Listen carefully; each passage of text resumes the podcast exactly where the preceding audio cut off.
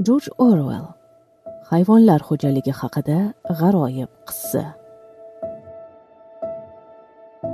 Birinchi bob. Mister jons qorong'i tushib qolganligi uchun tovuqxonaning eshigini berkitdi. Lekin tovuqlar katagining orqa tomonidagi teshiklarni berkitish uning xayolidan ko'tarildi.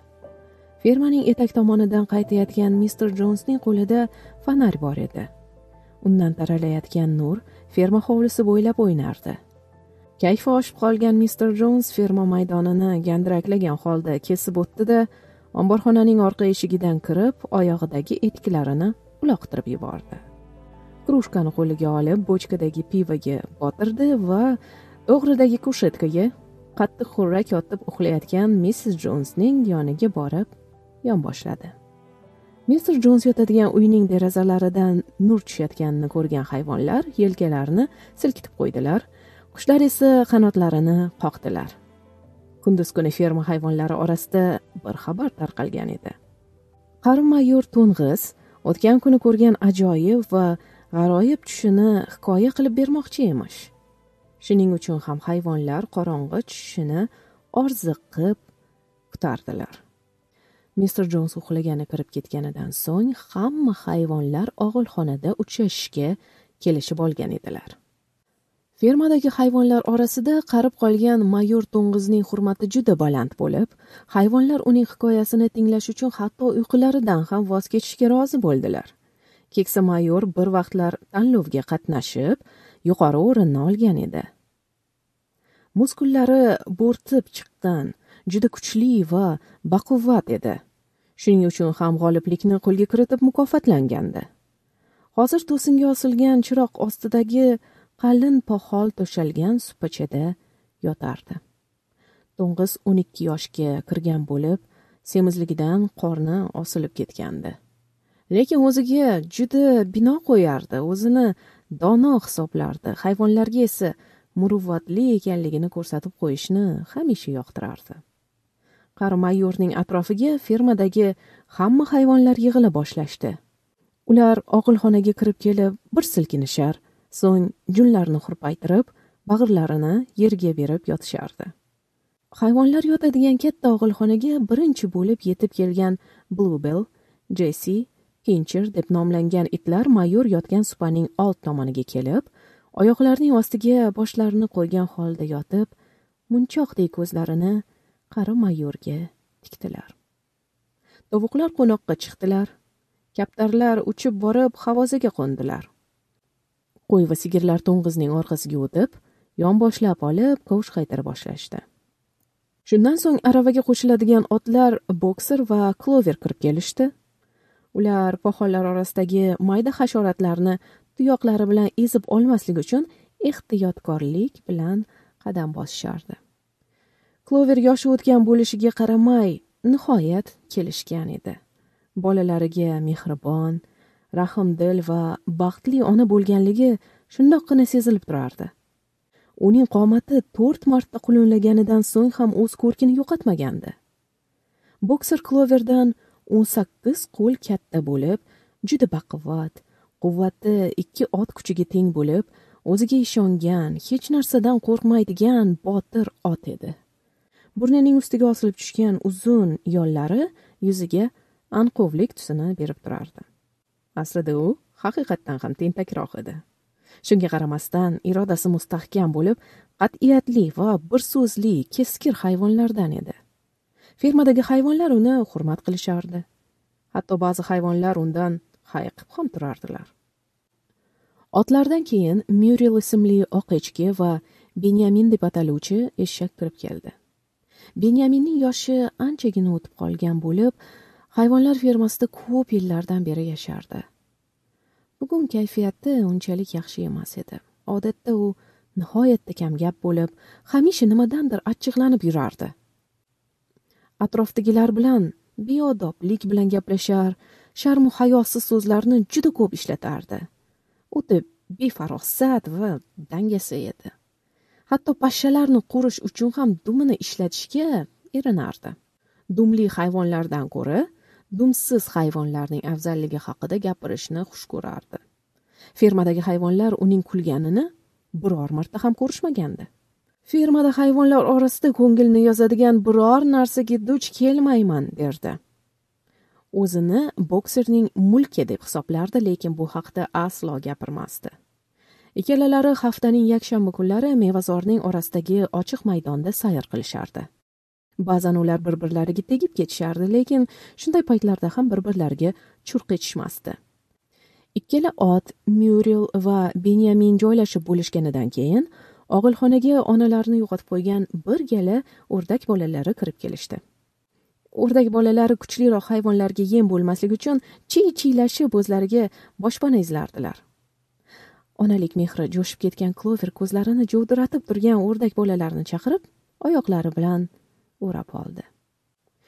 Bexavotir joy topganlaridan xursand bo'lgan o'rdak bolalari otning issiq boldirlariga boshlarini qo'yib uyquga ketishdi. Jonsning aravasiga qo'shiladigan chiroyli lekin fahm farosati kamroq moli ismli ot og'zidagi oq qandlarni qusurlatib kovshangan holda irg'ishlab kirib keldiyu supaning eng oldingi qatoridan joy topib o'tirdi. Boshqa hayvonlarning diqqatini boshidagi yollariga taqib olgan qizil lentaga tortish uchun boshini kibor bilan silkitib chiroyli mayin kokillarini yuziga tushirdi. Eng so'nggi daqiqalarda o'ziga issiqqina joy izlagan mushuk kirib keldi. Yig'ilgan hayvonlarga birma bir qarab chiqib bokser va kloverlar orasiga suqildi. Shirin uyqusini mayorning tovushi buzolmaydigan joy topganidan mamnun bo'lib miyovlab qo'ydi. Hamma to'plangan faqat muso ismli qora qarg'agina ko'rinmasdi. U orqa eshikning tepasidan chiqib turgan to'singa qo'nganicha uxlab qolgan edi. Musoning ko'zlarini yumib olib uxlayotganligi uzoqdan sezilmasdi. Qari mayor unga sinchiklab qaradi va juda qulay joyga qo'nib olib hikoyamni tinglash uchun butun vujudi bilan berilib turibdi deb tomog'ini qirib turib so'z boshladi. O'rtoqlar kechagi tunda ajoyib va g'aroyib tush ko'rganligim haqidagi xabar allaqachon orangizda tarqalib bo'lgan. Lekin men ko'rgan tushim haqida keyinroq so'zlamoqchiman. Avval meni o'ylantirib qo'ygan ayrim fikrlaringizni sizlarga aytib beray. O'rtoqlar men ko'p gapirmoqchi emasman. Men juda uzoq yashadim. Og'ilxonada yolg'iz qolgan paytlarimda ko'rgan kechirgan voqealarimni sarhisob qilish uchun vaqtim yetarli bo'ldi. Nazarimda yorug' olamda yashashning maqsadu mohiyatini va ahamiyatini boshqa hayvonlarga qaraganda yaxshiroq tushunaman desam xato bo'lmas. Shu sababli ham meni o'ylantirgan muammolar haqida sizlarga gapirib berishni muqaddas burchim deb hisoblayman. O'rtoqlar turmushimizning qiyinligi haqida biror marta o'ylab ko'rganmisizlar menimcha yo'q. O'rtoqlar haqiqatdan hech qachon qochib bo'lmaydi. Bor haqiqatni ko'zingizga tik qarab turib aytishim kerak. Bizga tabiat tomonidan berilgan qisqagina umrimiz mehnat va mashaqqatlarga to'la ekanligi haqida hech o'ylanganmisiz? Qashshoqlik bilan yashashimizning sabablari sizlarni biror marta qiziqtirganmi?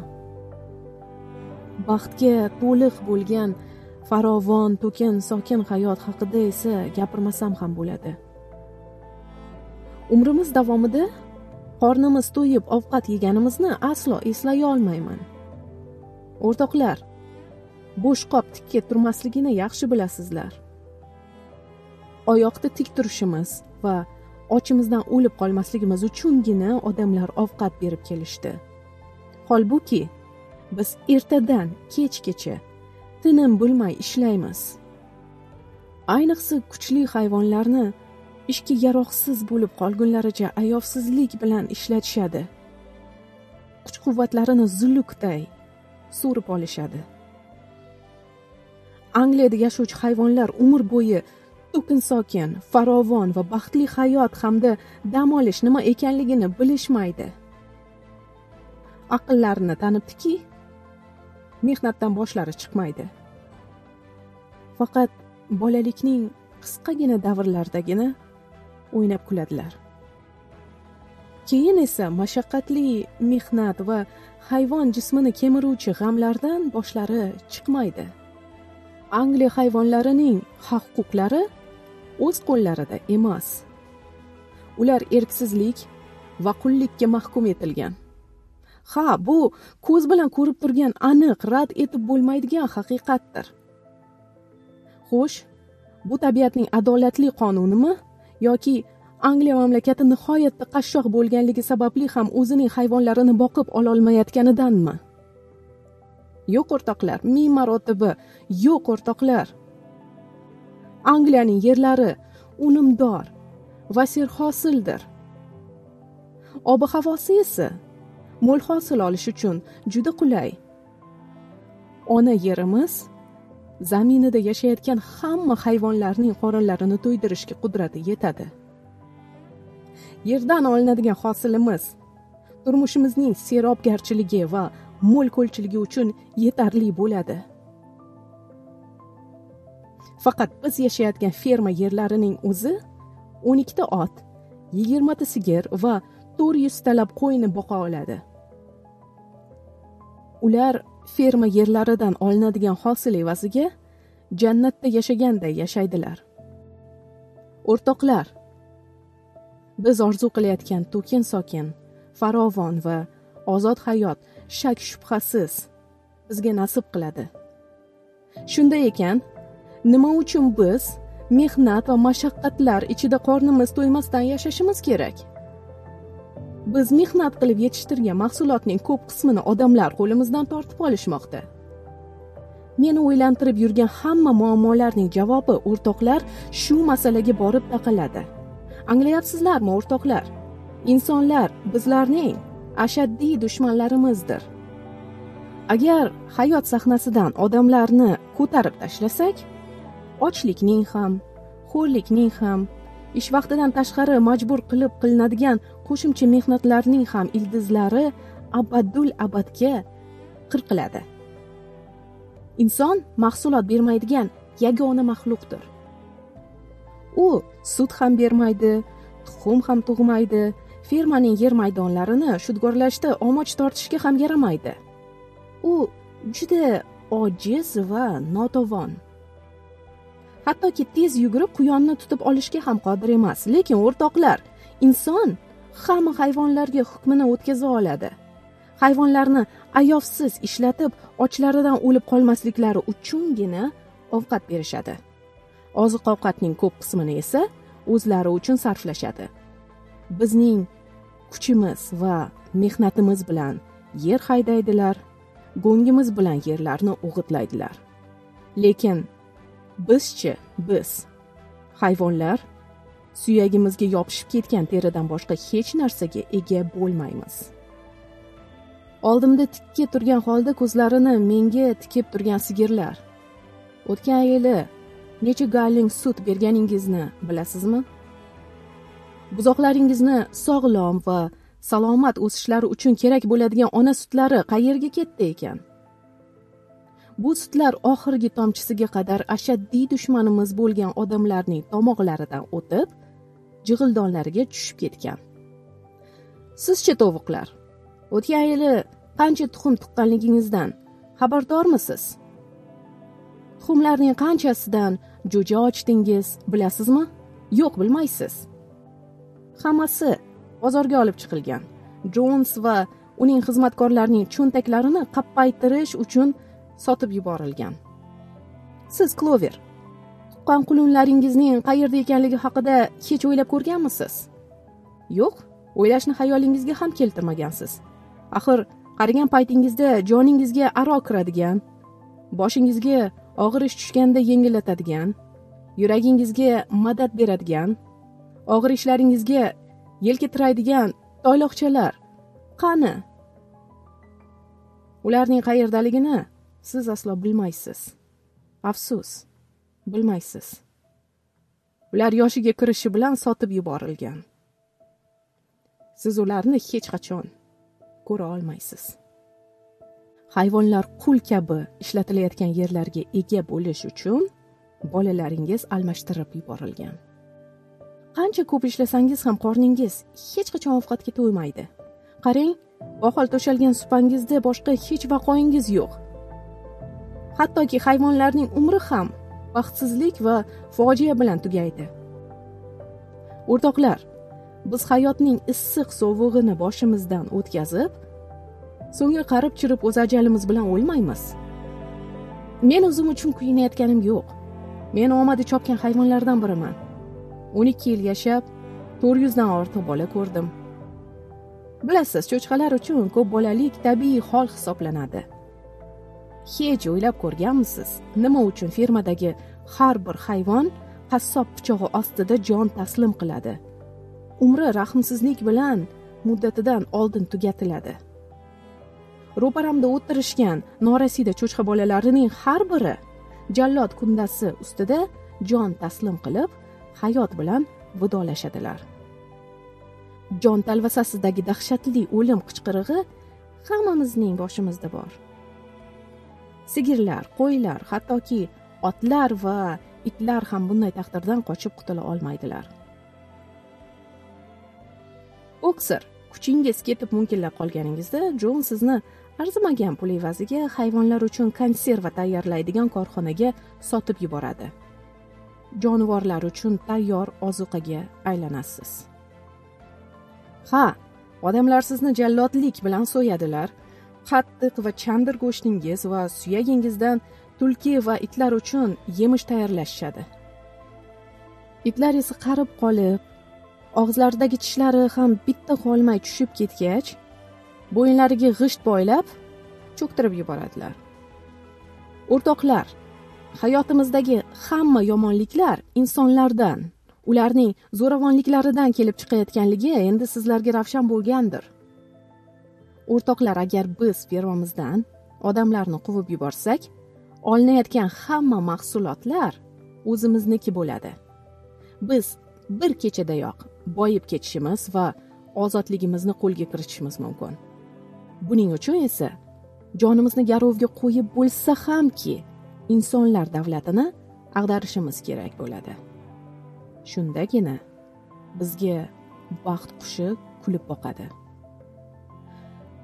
O'rtoqlar sizlarga yetkazishni zarur deb hisoblagan fikrlarim shulardan iborat edi. Qo'zg'alonning qachon bo'lishini men ham aniq bilmayman. Ehtimolki bir haftadan keyin ehtimolki yuz yildan keyin ro'y berar.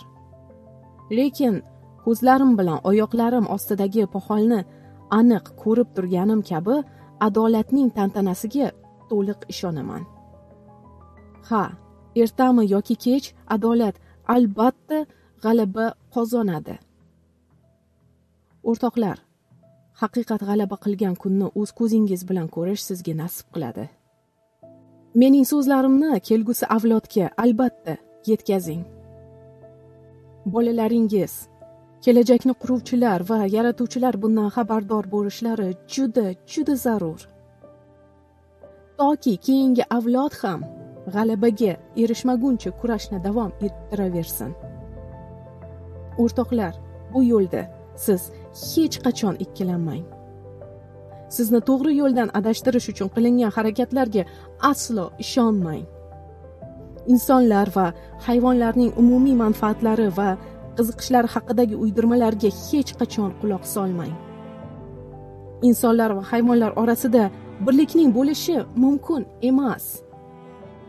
Insonlar va hayvonlar o'rtasidagi monopolistik birlashmalarning ravnaqi haqidagi fikrlarning ham hammasi yolg'on.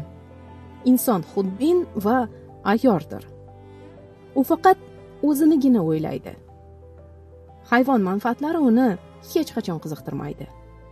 Hayvonlar orasida to'la birlik va hamkorlikka erishsakkina bu kurashda g'olib chiqamiz. Insonlar bizning dushmanlarimiz hayvonlar esa bizning do'stlarimizdir. Yashasin hayvonlarning umumiy birligi va hamkorligi. Hayvonlar keksa mayorning nutqini gulduros qarsaklar va olqishlar bilan tasdiqlashdi. To'rtta kalamush inlarining og'ziga o'rmalab chiqishib teshiklardan boshlarini chiqarishib dumlarini taglariga bosib o'tirgan holda qari mayorning nutqini tinglayotgan edilar. Itlar ularni ko'rib qolib irilladilar. Qo'rqib ketgan kalamushlar inlariga qarab qochishdi. Mayor jimlik o'rnatish uchun oldingi oyoqlarini ko'tardi. O'rtoqlar dedi so'ngra biz bir muhim masalani hal qilib olishimiz kerak. Siz yaxshi bilasiz oramizda quyon kalamush kabi yovvoyi hayvonlar ham yashashadi. Ularni safimizga qabul qilamizmi yoki yo'q? Ular bizning o'rtoqlarimizmi yoki dushmanlarimizmi? Shu masalaga aniqlik kiritib olishimiz kerak. Hozir shu masalani kun tartibiga qo'yaman. Oyoqlarimizni ko'tarib ovoz beraylik. Hayvonlar oyoqlarini ko'tarib ovoz berishdi. Ularning ko'pchiligi kalamushlarni o'z saflariga qo'shishga rozi bo'lishdi. Faqat uchta it va majlisda ovoz berishni o'ylab topgan keksa mayorning ikki tomonida turgan mushuklargina qarshi chiqishdi. Keyin ma'lum bo'lishicha mushuklar har ikki tomon uchun ovoz berishgan ekan. Mayor nutqini davom ettirdi. Boshqa sizga aytadigan aytarli gaplarim yo'q. Faqat bir narsani sizga takror aytaman. Inson va uning barcha harakatlariga qarshi bo'lishdek hayvonlik burchingizni unutmang. Ikki oyoqda yuradiganlar dushmanlaringiz to'rt oyoqlab yuradiganlar va qanotlari bilan uchadiganlar o'rtoqlaringizdir. Insonlarga qarshi kurashayotganingizda ularga o'xshab qolishdan saqlaning. Hatto ular ustidan g'alaba qozonganingizda ham odamlarning buzuqliklari va yomon ishlarini o'zlashtirmasligingiz kerak. Insonlarga xos bo'lgan odatlardan hamisha saqlaning. Hayvonlar hech qachon uylarda yashamasin kravatlarda uxlamasin spirtli ichimliklar ichmasin tamaki chekmasin va pul ishlatmasin savdo bilan shug'ullanmasin. Yuqori xususiyatlarning hammasi insonning yovvoyi va shaytoniy xususiyatlaridir. Hammasidan ham muhimi shuki hech bir hayvon ikkinchisi ustidan aslo hukmronlik qilmasin. Ojizlar kuchlilarga qaram bo'lmasin. Aqllilar aqli zaiflarni ezmasin. Hayvonlarning hammalari bir biriga birodardirlar. Shuning uchun bir birlarini aslo o'ldirmasin. Hamma hayvonlar teng huquqlidir. Endi o'rtoqlar kechagi tunda ko'rgan tushim haqida gapirib beray. Ko'rgan tushimni to'laligicha tasvirlab berishdan ojizman. Bu inson zoti qirilib ketganidan keyingi hayot haqidagi tush edi. Bu tush ko'p yillar o'tib unutilib ketgan bir voqeani yodimga soldi. Onam va boshqa ayol cho'chqalar yoshligimda bir ajoyib qo'shiqni kuylashardi. Qo'shiq faqat uchta baytdangina iborat bo'lib ohangi hayvonlarni o'ziga tortib oladi. Bolaligimda bu qo'shiqni men ham ilhom bilan kuylardim. Oradan ko'p yillar o'tishi bilan uni unutib qo'yganman. Kechagi ko'rgan tushim esa qo'shiqlarning so'zlarini ham kuyini ham esimga soldi. O'sha ashulaning so'zlari xotiramda tiklandi. Avlod ajdodlarimiz tomonidan qadimda kuylanib kelgan bu qo'shiqni unutib qo'ygan edik. Hozir men sizlarga o'sha ashulani aytib bermoqchiman. Ko'rib turibsizlar qarib qolganman. Ovozim ham o'z shirasini yo'qotgan. Buning ustiga xirillab qolganman. Lekin sizlarga o'rgatib qo'yganimdan keyin joyiga qo'yib kuylaysizlar degan umiddaman. Keksa mayor tomog'ini qirib olib angliya hayvonlari deb nomlangan ko'hna qo'shiqni kuylay boshladi. O'zi aytganiday ovozi xirillab chiqardi. Lekin bu bilinmasdi. Chunki u shu qadar berilib ilhom bilan aytardiki hayvonlar to'lqinlanib ketganliklarini ham sezmay qolishdi. Yuraklari xinidan chiqib ketguday dukullab urardi. Ko'kraklari ashulaning kuyiga mos ravishda ko'tarilib pastga tushardi. Ashulaning kuyi klementain va la Cucaracha deb ataluvchi musiqa ohanglarini esga solar va ularning oralig'idagi bir kuyni paydo qilardi. Ey buyuk angliyaning ezilgan hayvonlari! Ey buyuk irlandiyaning xo'rlangan hayvonlari! Ey jahonning haq huquqi toptalgan hayvonlari! Hamma hayvon teng hamda adolat mayoq bo'lgan oltin zamon kuylangan olov qo'shig'im tinglang! Hukmron inson mangu yo'qolib biz kutgan kunlar albat keladi. Hosildor yerlarni oyoqqa olib angliya hayvonlari baxtli bo'ladi. Burnimizdan burundiqlar yechilar belimizdan egar jabduq olinar. Xipchinlar ham tushmas hech ustimizga tuyoqdagi taqalar mangu zanglanar. Bizniki deb o'ylanmagan boyliklar bug'doylaru arpa suli ham pichan makka jovda loviya ham sholilar hayvonlarga nasib bo'lar tamoman. Ozodlik g'alaba qilgan kunlarda angliya yerida quyosh porlaydi. Suv ham sut kabi oqib tunlarda shabodasi o'ynab gul erkalaydi. Kurashla keladi porloq kelajak. Erk uchun jonimiz qurbon bo'lajak. Sigirlar otlar g'ozlar ham kurkalar.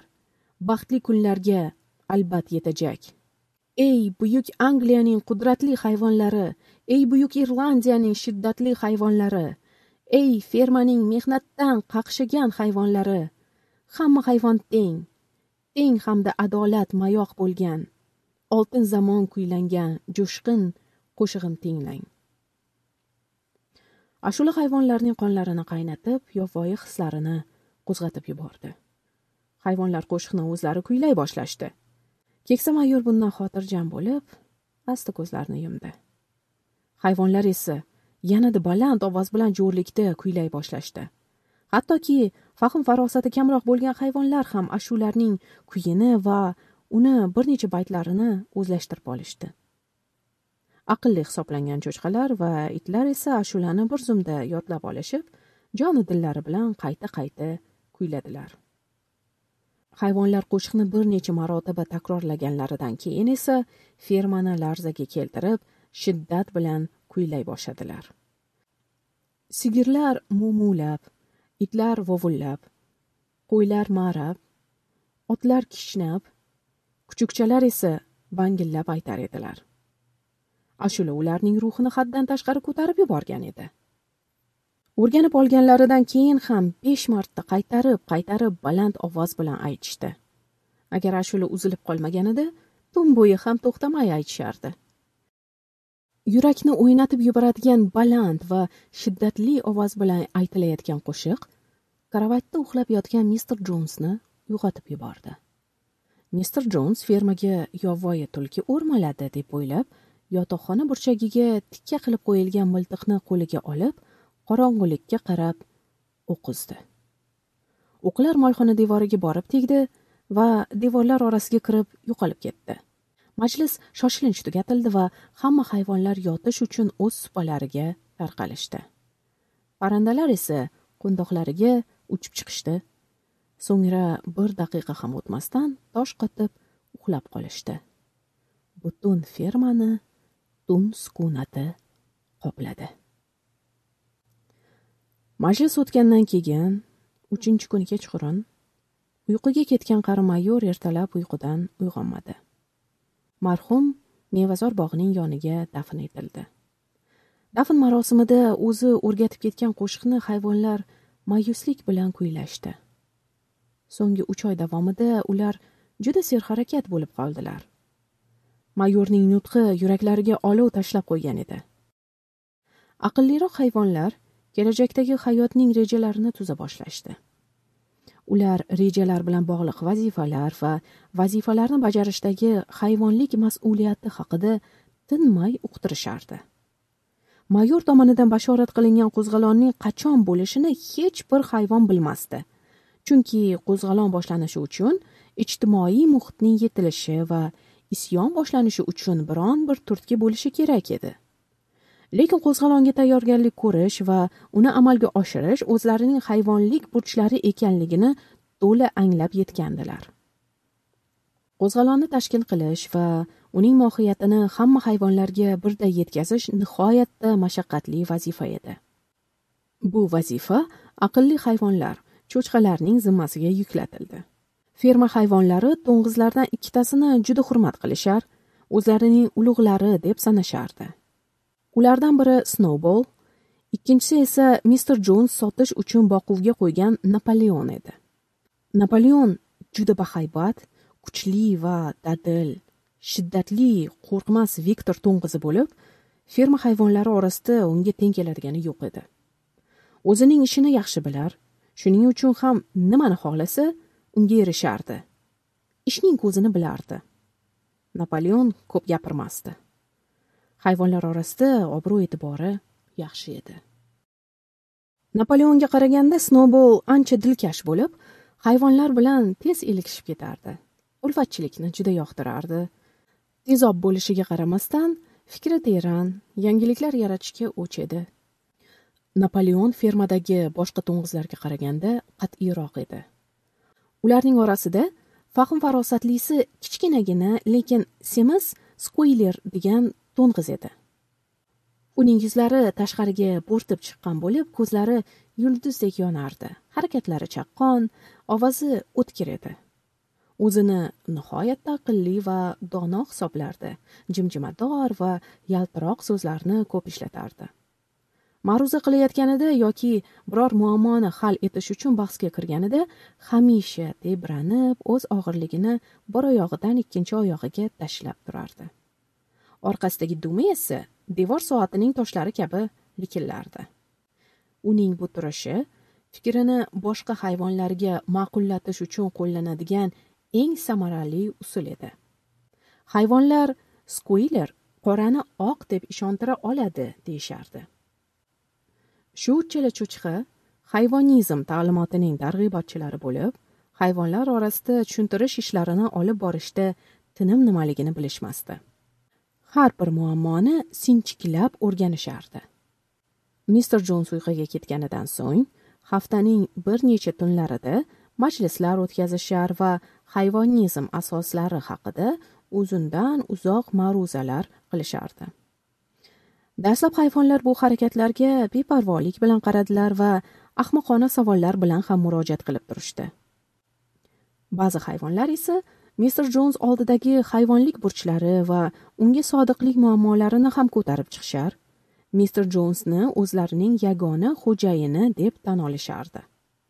Ba'zan hayvonlar muhim muammolar bo'yicha nihoyatda go'llik bilan mulohaza yuritishardi agar mister jons bo'lmasa och qolamiz. Bizning qornimizni kim ham to'ydirardi? O'lganimizdan keyin qolganlar bilan ishimiz nima? Mister jonsiz yashab bo'ladimi? Yoki bu qo'zg'alonku albatta amalga oshar ekan. Unda biz tayyorgarlik ko'rib nima qilamiz? Tayyorgarlik ko'rdik nimayu ko'rmadik nima baribir emasmi? degan savollarni berishardi. Cho'chqalar esa bunday fikr yuritish hayvonizm ruhiyatiga mos kelmasligini tushuntirishda juda juda qiynalardilar. Eng ahmoqona savollar molli ismli oq ot tomonidan berilardi. U majlislardan birida shunday savol berdi. Qo'zg'olondan keyin hayvonlarga shakar beriladimi yoki yo'qmi? Yo'q deb javob berdi snowball qat'iylik bilan baland ovozda. Bizning fermamizda shakar tayyorlash uchun ishlab chiqarish qurollari yo'q. Lekin o'rtoq u vaqtda sizga shakar kerak bo'lmaydi. Suli va pichanlar fermada yetarli miqdorda to'planadi va xohlaganingizcha yeyishingiz mumkin bo'ladi molli ikkinchi marotaba. O'sha paytda sochlarimga lenta taqishim mumkinmi? deb so'radi. Snoubol nihoyatda hayratlandi. O'rtoq dedi u. Siz yaxshi ko'rib sochlaringizga taqib olgan o'sha lentalar qullikning ramzidir. Nahotki ozodlik degan muqaddas tushunchaning mohiyatini anglab yetmagan bo'lsangiz? Molli snoubolning so'zlariga qarshilik bildirmadi. Sukut saqladi. Lekin berilgan javobdan qanoatlanmaganligi shundoqqina sezilib turardi. Cho'chqalar qo'lga o'rgatilgan muso deb ataladigan qora qarg'a tomonidan tarqatilgan uydirmalarga qarshi kurashishning murakkab ekanligini tushunib turardilar. Gap tashuvchi va ertak aytuvchi bu qora qarg'a mister jonsning erkatoyi edi. U nihoyatda chiroyli so'zlar va o'z fikrini sipollik bilan tushuntira olardi. Eshituvchining diqqatini esa darrov o'ziga jalb qilib olardi. Muso ko'pincha shakartog' deb atalgan ajoyib o'lka haqida rivoyat to'qirdi. O'lganlaridan keyin hayvon va parrandalarning ruhlari bulutlardan ham yuqorida joylashgan shakartog' o'lkasiga uchib ketadi deb ishontirardi. Jannat o'lkasida har yakshanba kunlari shakarqand va beda berilishi oq qand va enger urug'idan qilingan oliy nav tortlar esa oyoqlari ostida o'sib yotishi haqida qiziqarli hikoya aytardi. Ko'pchilik hayvonlar musoni yoqtirmasdilar.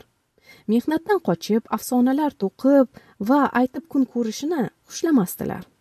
Shunga qaramasdan ba'zi hayvonlar shakar qand tog'i borligiga ishonardilar.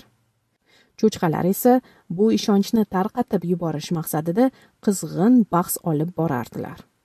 Cho'chqalarning ishonchli va sodiq shogirdlari bokser va klover edi. Ular cho'chqalarning fikrlarini so'zsiz qabul qilishar tez o'zlashtirishar va ishontira oladigan dalillar bilan boshqa hayvonlarga tarqatishardi. Ular hech qachon mustaqil fikr yuritishmasdi.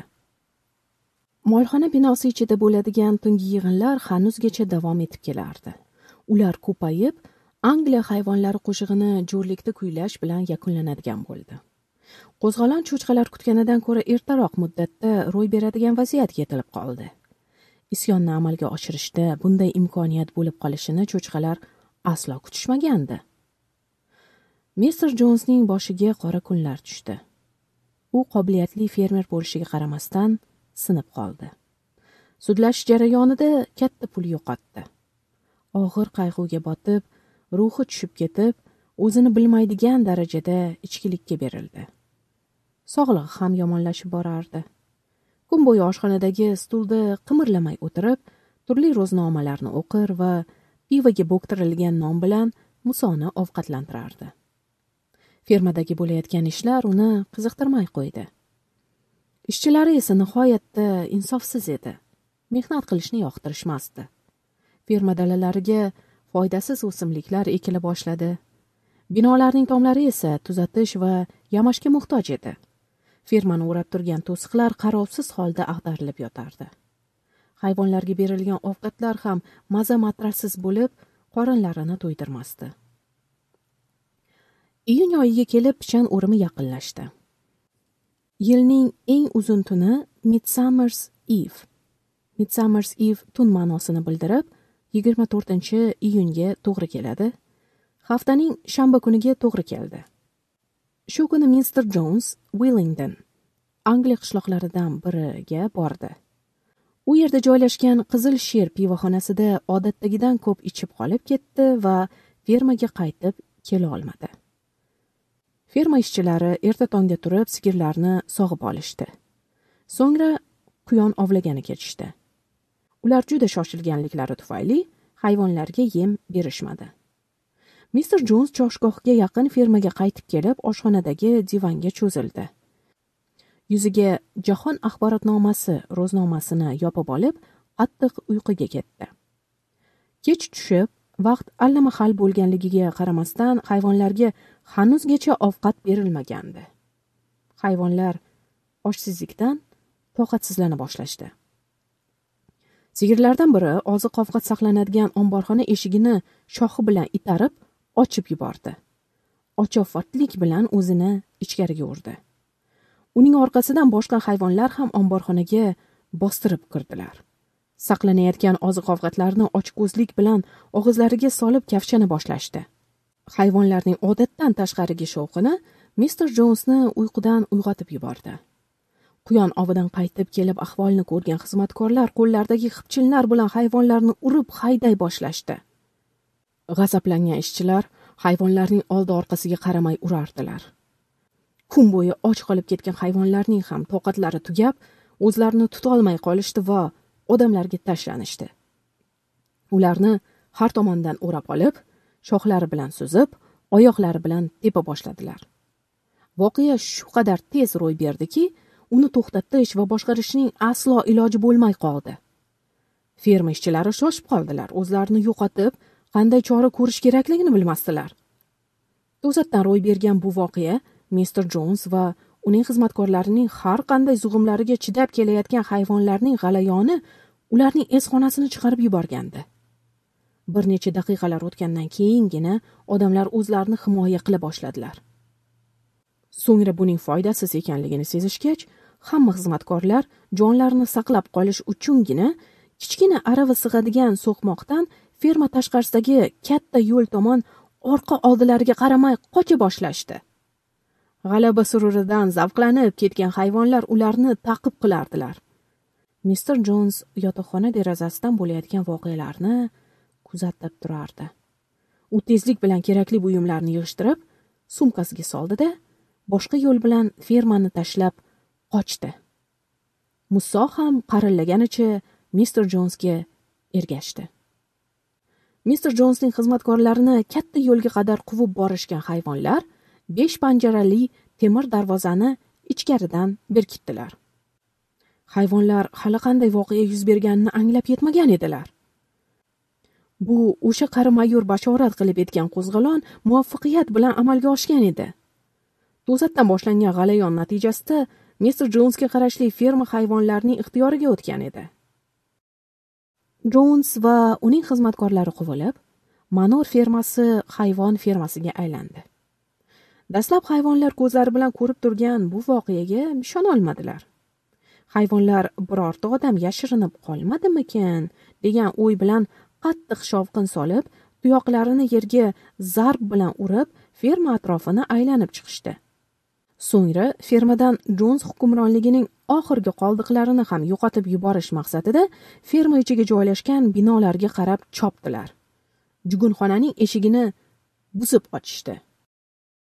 Unda saqlanayotgan jilov jugun burunduqlar va it bog'laydigan zanjirlar jallodlik uchun ishlatiladigan kundalar hayvon so'yuvchi pichoqlar hamma hammasini olib chiqib ferma ichidagi quduqqa tashladilar.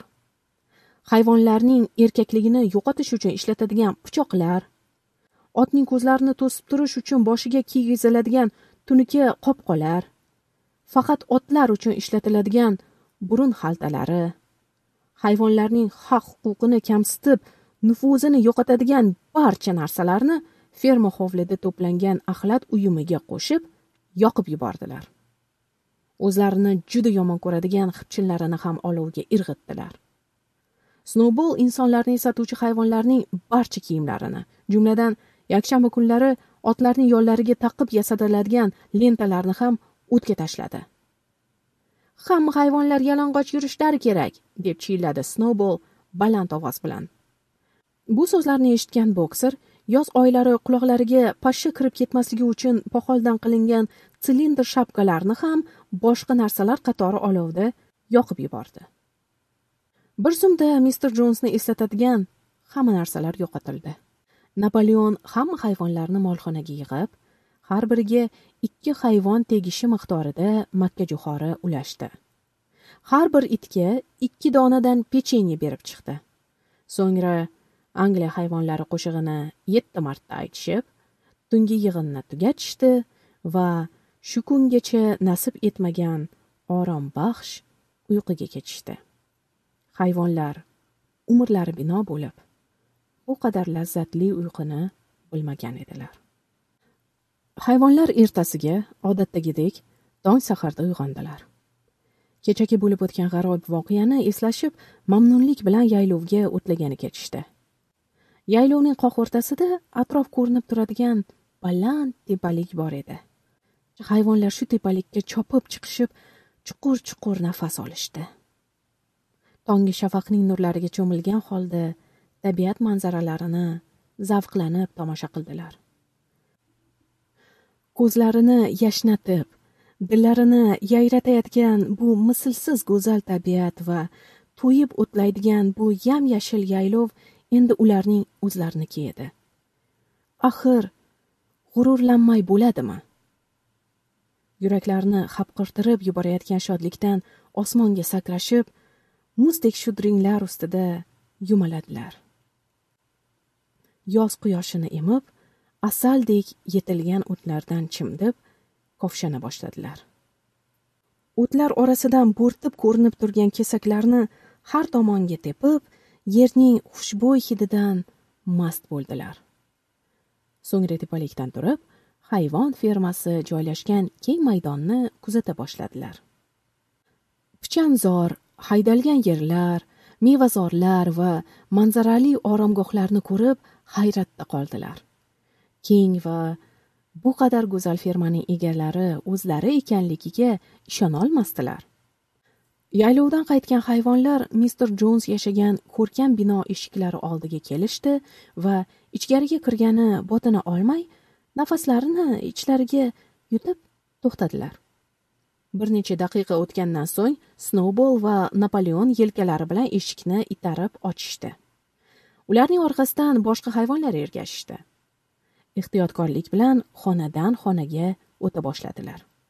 Bir birlari bilan iloji boricha tovushlarini pastlatib pichirlashib gaplashishardi birdan orqa tomondan bir sigirning ajablanib muvlagani eshitildi. Hayvonlar ko'zlari oldida turgan hashamatlarga yotoqxonaning parto'shaklar solingan yumshoq karavotlari pardoz oynasi otqinlari bilan bezatilgan divan bryusseldan keltirilgan patgilamlar va mehmonxona devoriga ilingan malika viktoriyaning litografiya usulida chizilgan suratiga hayratlanib tikilishdi. Zinalardan pastga tushib ferma hovlisi sahnasiga chiqqanlarida esa oralarida molining yo'qligini bilib qoldilar.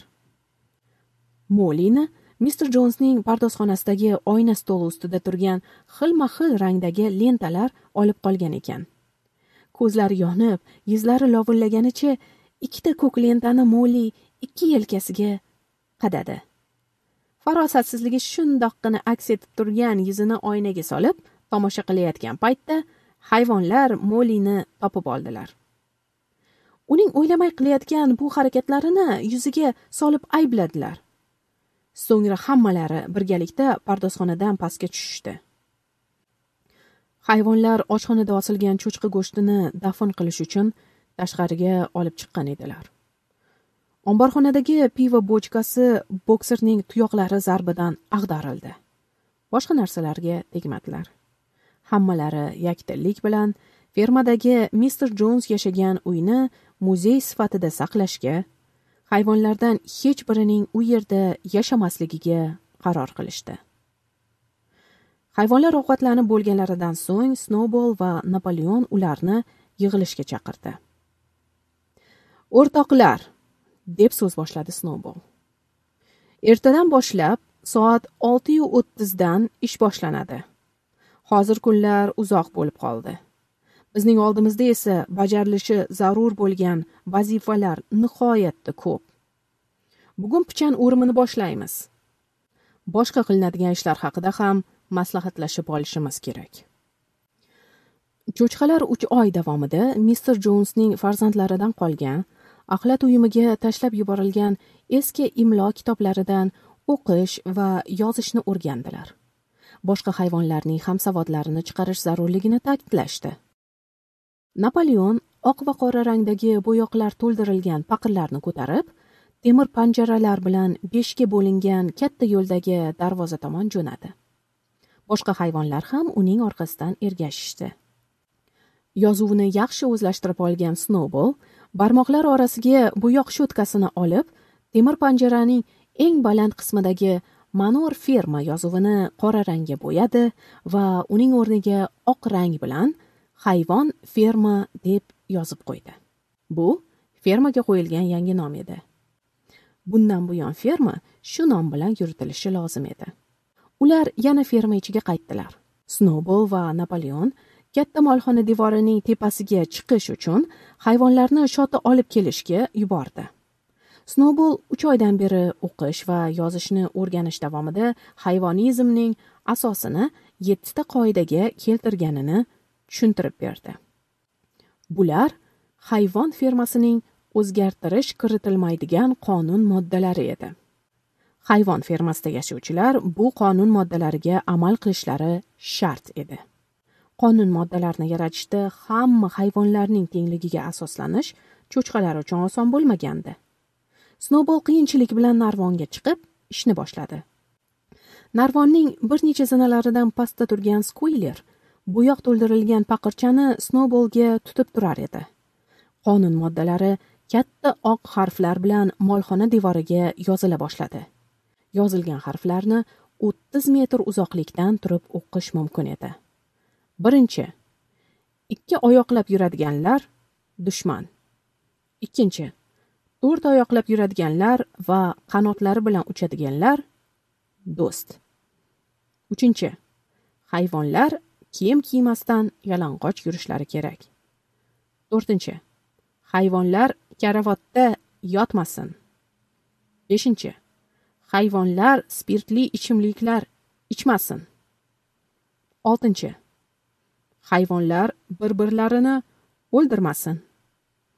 Yettinchi hamma hayvonlar teng huquqlidir. Qonun moddalari husniqat qoidalariga rioya etilgan holda yozilgan bo'lib bir harf teskari edi xolos.